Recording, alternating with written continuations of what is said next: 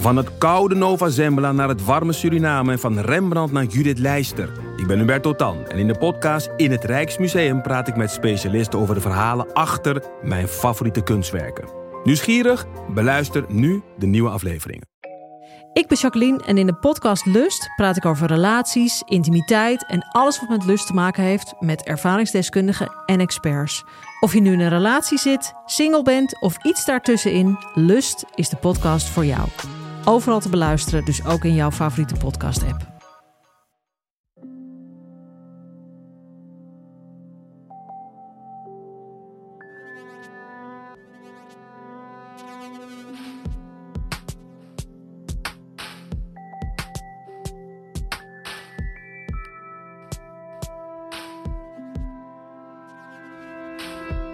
Dit is Relaas. In Relaas vertelt iemand een verhaal over iets dat hij zelf heeft meegemaakt.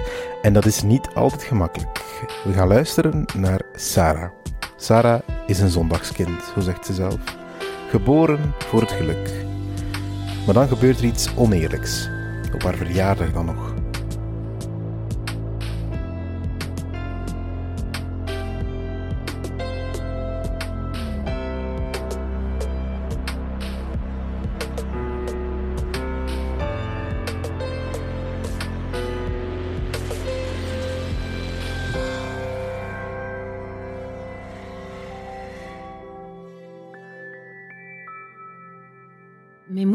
Die heeft altijd gezegd dat ik geboren ben voor het geluk. Dus dat ik een zondagskind ben.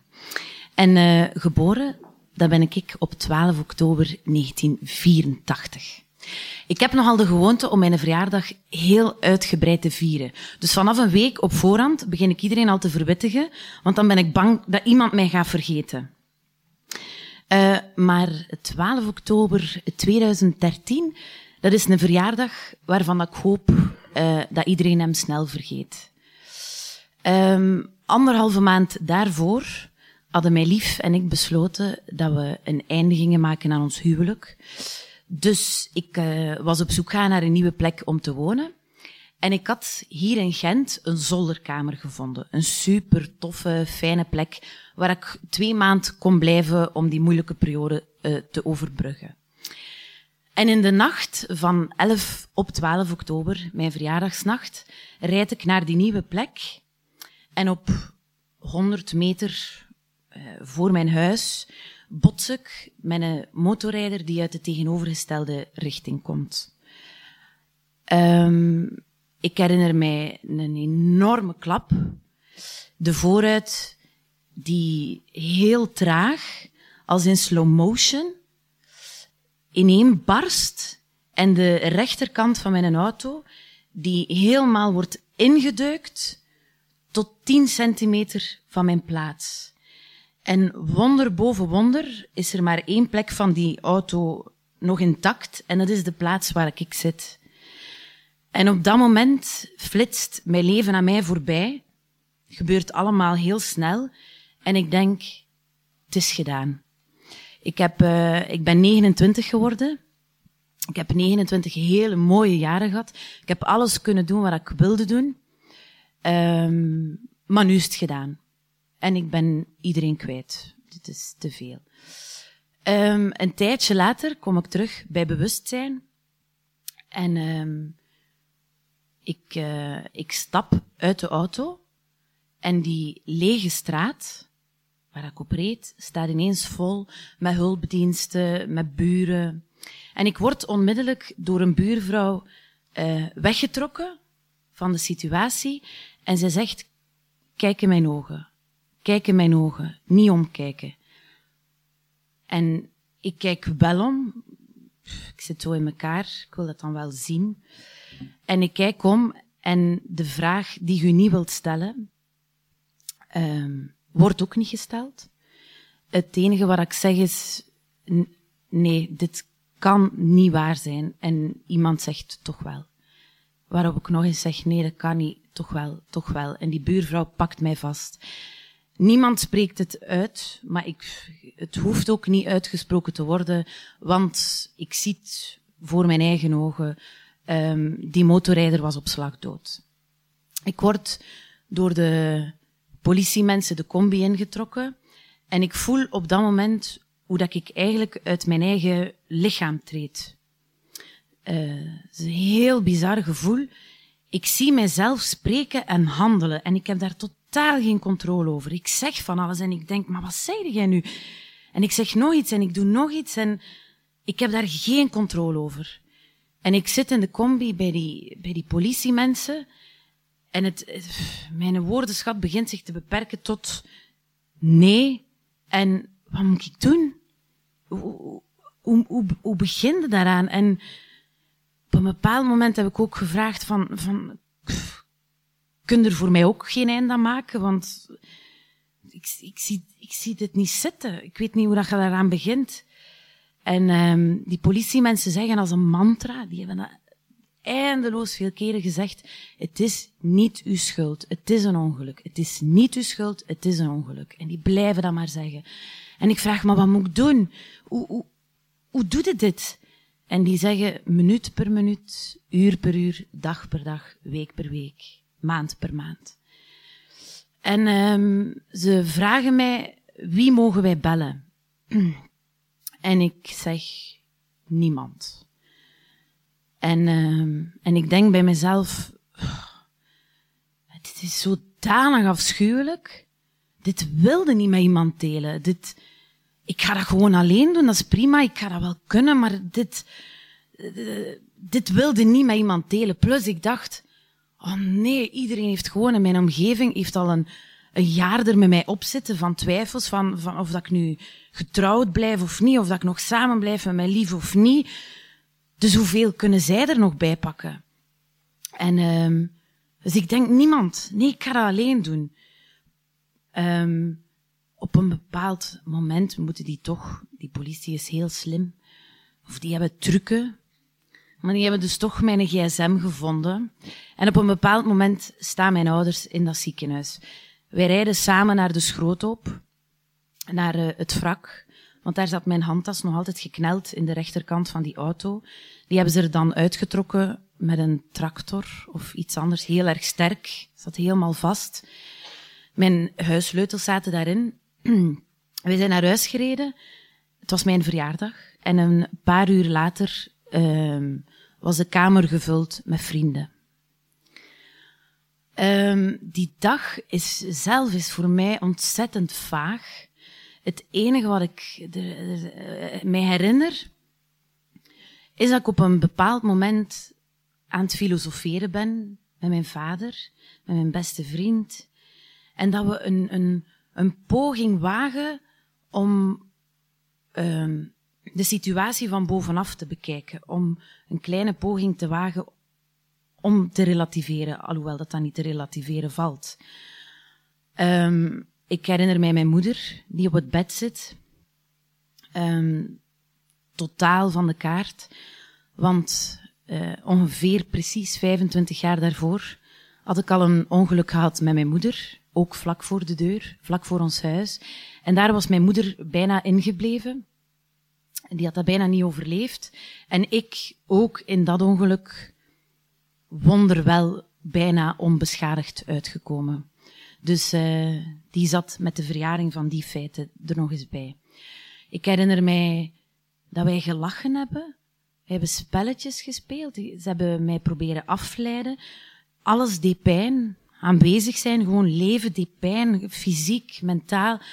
Dus ik sliep, ik lachte, ik was er weer bij, ik was weer weg. En ik herinner mij ook dat ik de deur opende voor een vriend. En dat ik blij was om die te zien. En dat hij zei, ik ben blij dat ik u zie lachen. Want ik was bang dat jij uw spontaniteit en uw vrolijkheid zou verliezen. Um, die dag hebben mijn vrienden en mijn familie ook besloten om een waakdienst te organiseren. Dus ik was geen moment alleen. Zij, zij bleven bij mij slapen. Uh, zij kregen het allemaal ge georganiseerd op een of andere manier. En, maar ik wachtte s'nachts totdat ik hoorde dat hun ademhaling zwaarder werd, totdat ik, totdat ik zeker was dat zij sliepen, en dan liet ik die beelden terugkomen. Een paar dagen later um, zit een vriendin uh, bij mij en zij voelde zich heel erg hulpeloos. Zij wist niet wat ze moest doen om, om, om met mij om te gaan. En ik zei, doe wat, dat je zo goed kunt. Pak je stoeltje, zet u naast mij naast bed en vertel over uw dorp. Vertel over de roddels in uw dorp, over die onschuldige verhalen. En zij heeft dat gedaan en in mijn ervaring is dat een paar uur geweest. Maar dat waren, denk ik, de eerste uren dat ik heel eventjes niet actief eraan dacht. Dat, natuurlijk blijft dat continu in uw hoofd, maar zij slaagde er wel in om mij even in een andere wereld te laten zijn. Een hele onschuldige wereld. Um, een paar dagen later moest ik optreden in Brussel. En uh, ik werd voor zot verklaard dat ik dat ging doen. Maar ik was zodanig bang dat ik alles ging verliezen, dat ik naast alles wat ik al verloren was, ook nog eens mijn werk ging verliezen, dat ik dacht, dat is geen optie. Ik ga dat gewoon doen. Dus ik bevind mij op een bepaald moment in volle avondspits in centrum Brussel, in de auto. En ik sta op dat podium en ik kijk in dat publiek en ik voel een enorme angst.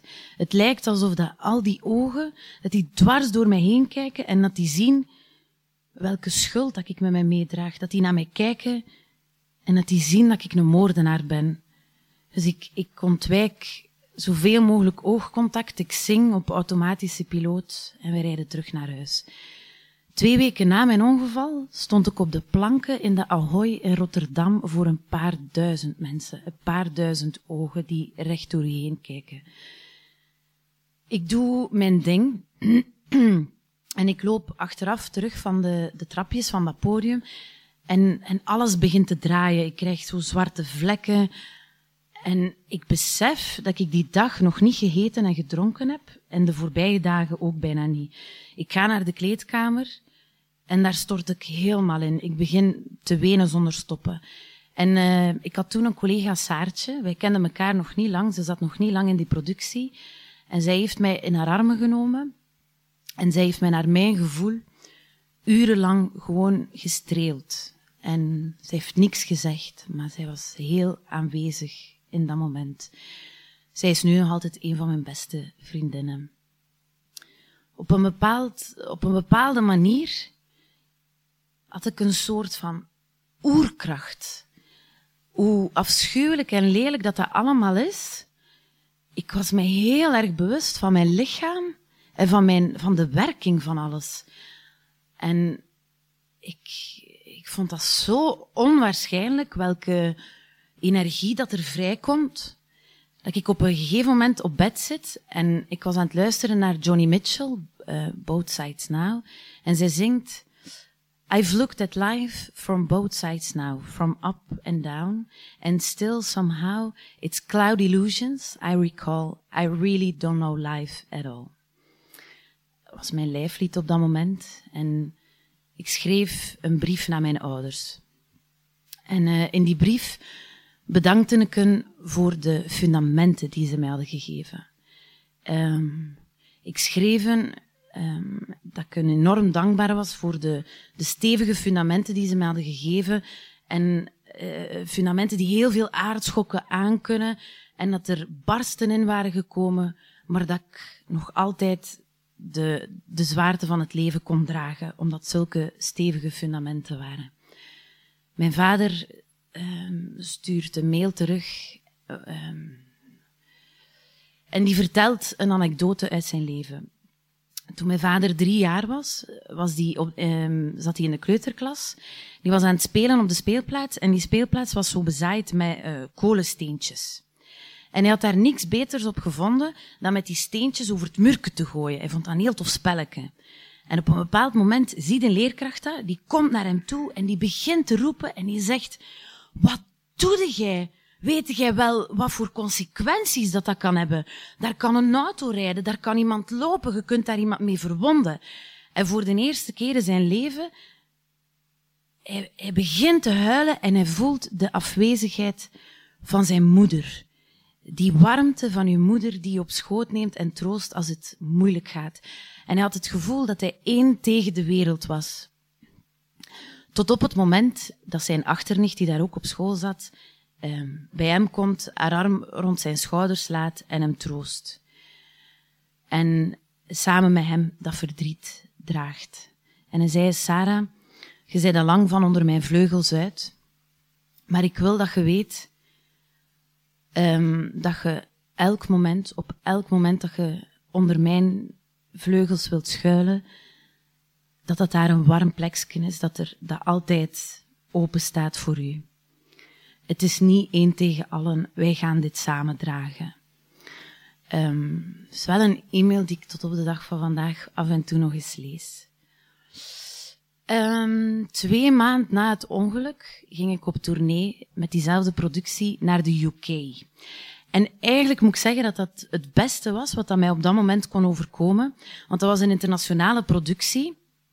En um, ik, had, uh, ik kon daar een, een, een ik kon daar mijn verleden achterlaten. Ik had daar geen verleden. Als ik daar niks wilde, wilde over zeggen, dan moest ik dat ook niet. En dat was een, een, alles wat je van een tournee verwacht. Hele heftige feestjes, uh, hele fijne voorstellingen. Ik ben daar ook verliefd geworden op een hele grote, sterke beer.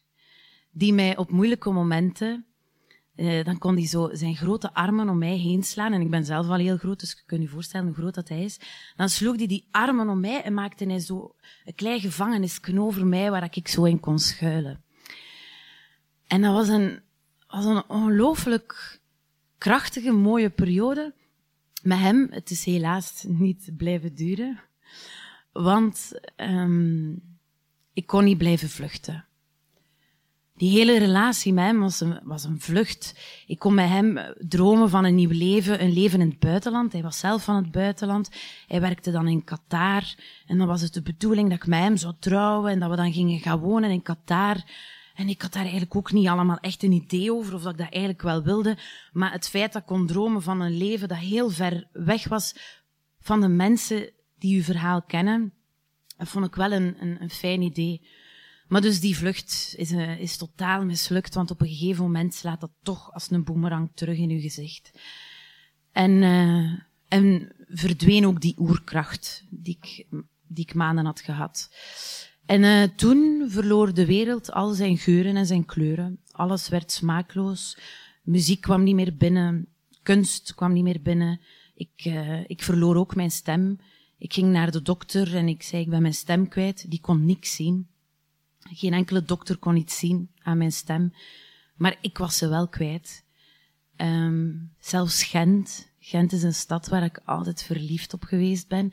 En opeens was dat een stad, een, een, een stad vol gevaar. Een, een grauwe, duistere, lelijke stad vol gevaar.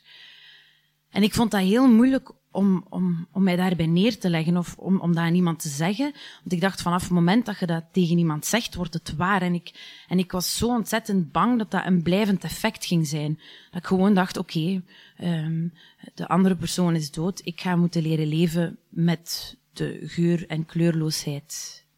Dit wordt mijn nieuwe leven. Maar ik herinner mij een moment dat ik bij een vriend in de zetel zat en die zette opeens de cello suite van Bach op.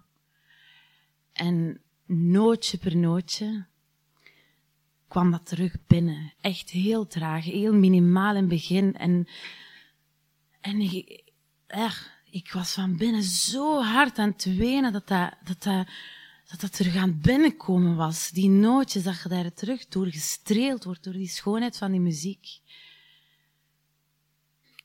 En, um, en zo ging dat dan, dan stapje voor stapje kwamen die dingen wel weer terug. Maar dan krijg je dat, slaat dat opnieuw terug. En dan waren er dagen dat ik wakker werd en dat ik niet zo goed wist hoe dat ik de ene voet voor de andere moest zetten. Maar dan op een of andere manier zette die toch. En dan werkte en dan leefde en dan functioneerde. En dan vroeg ik me de hele tijd af, maar hoe doe ik dat eigenlijk? Ik, ik snap het niet goed. Dus op een gegeven moment wou ik er even van tussen. Ik wou even weg van Gent en ik ging op bezoek uh, bij een vriendin in Mallorca. Zij woonde en werkte daar. En uh, uh, elke dag was daar hetzelfde. Ik was daar naartoe gegaan om liedjes te schrijven, om alles wat ik had meegemaakt te verwerken in iets moois. En uh, de ochtends liep ik super lang uit. Zij ging gaan werken en dan ging ik te voet maar lief naar het plaatselijke café En dat café, dat lag op een echt verschrikkelijke plek. Want dat prachtig klein dorpje, dat werd echt doormidden gesneden door zo'n doorgangsweg van het ene naar het andere dorp. Echt een super drukke baan. Daar lag dat terras. En daar binnen dat café. was ook het enige café waar dat, lief van mijn vriendin nog binnen mocht. In dat dorp. Dus wij liepen dan morgens met zijn hond, eh, liepen wij naar dat café. En dat was een zalige plek. Want uh, ik was bij lange na niet de enige getormenteerde ziel in dat café. Het zat gewoon afgeladen vol met getormenteerde zielen. Dus dan zaten wij met z'n tweeën aan een tafeltje. Hij keek films en ik schreef teksten en ik luisterde naar muziek. En af en toe babbelden wij dan eens. En uh, wij begonnen ochtends altijd met een koffie, om dan uh, tegen twee uur keken we zo naar elkaar en dan dachten we, wat zou je ervan denken? Zou het dan mogen? En dan uh, begonnen we aan ons aperitiefje. En dan uh, gingen wij eens naar buiten om te filosoferen. Dan gingen we weer naar binnen. Dan schreven we verder. En dan gingen we weer naar buiten. En hoe verder dat, hoe langer dat die, dat die, dat die een avond duurde, hoe wilder de ideeën, hoe wilder de filosofieën. En dat ging altijd maar door tot de kot in de nacht. Om dan de volgende dag weer heel lang te slapen en terug naar dat café.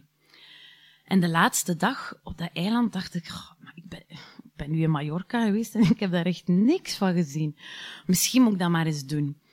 Dus ik neem de bus naar het, uh, het autoverhuurbedrijf. Um, ik leg mijn paspoort op de toog, ik leg mijn rijbewijs op de toog. En die vrouw geeft mij de sleutels. Uh, dat was de allereerste keer dat ik terug in een auto stapte. En ik wist, um, dit moet ik alleen doen. Dus ik loop naar de parking, steek die sleutel in het contact. Ik stap in die auto. Zet je voeten op de pedalen, gevoeld. Weet ik, weet ik eigenlijk nog hoe dat allemaal gaat. Steek de sleutel in het contact. En ik rij heel traag die parking af. En ik begin aan mijn tocht door Mallorca. Een, een supermooie, warme, zonnige dag. De raampjes naar beneden.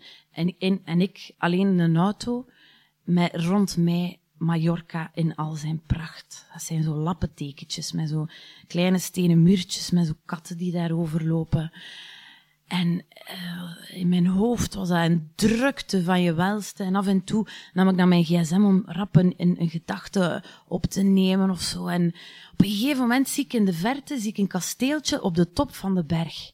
En ik denk, daar moet ik naartoe. Dus ik neem de eerste weg waarvan ik denk dat hij misschien wel naar dat kasteeltje gaat, en wonder boven wonder, dat is gewoon de weg naar dat kasteel.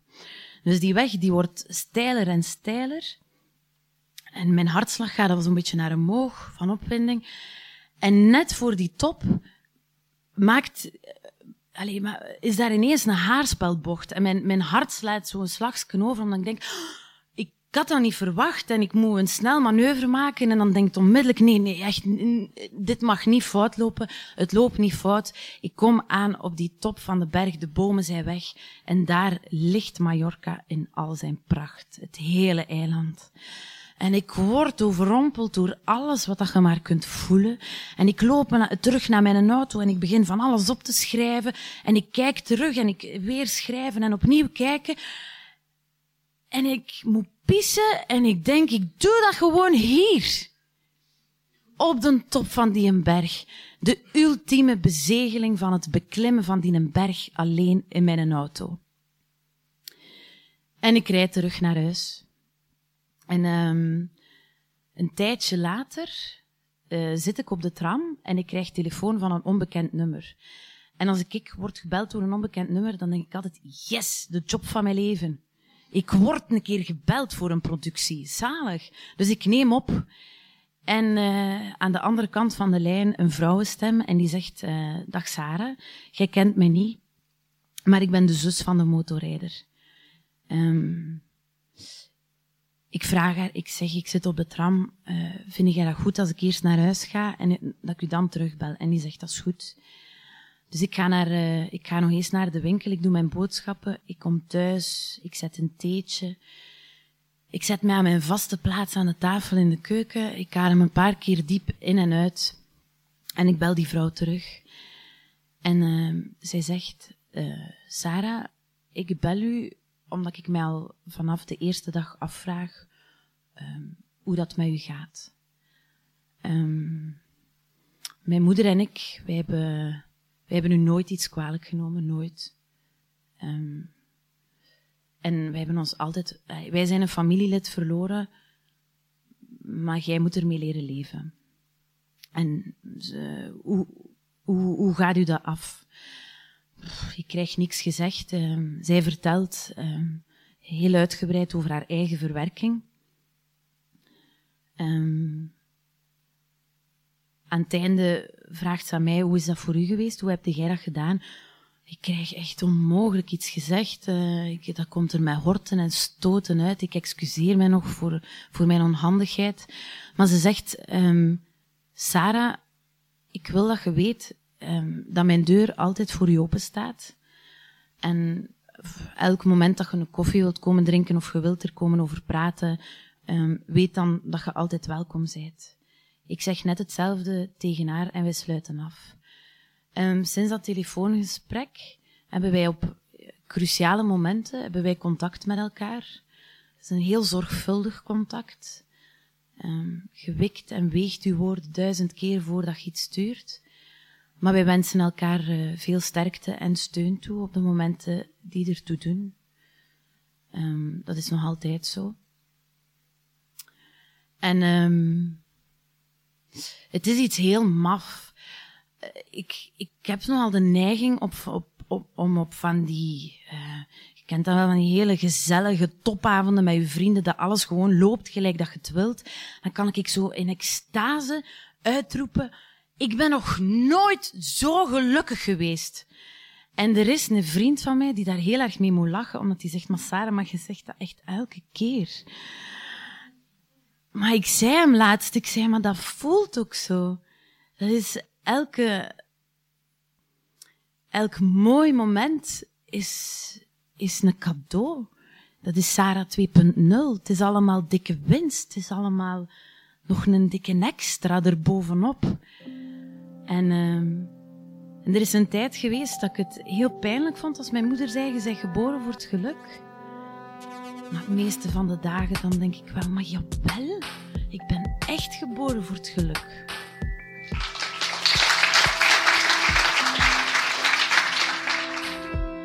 Dat was het relaas van Sarah. Ze vertelde het in Huset in Gent. Dat was in januari in 2018.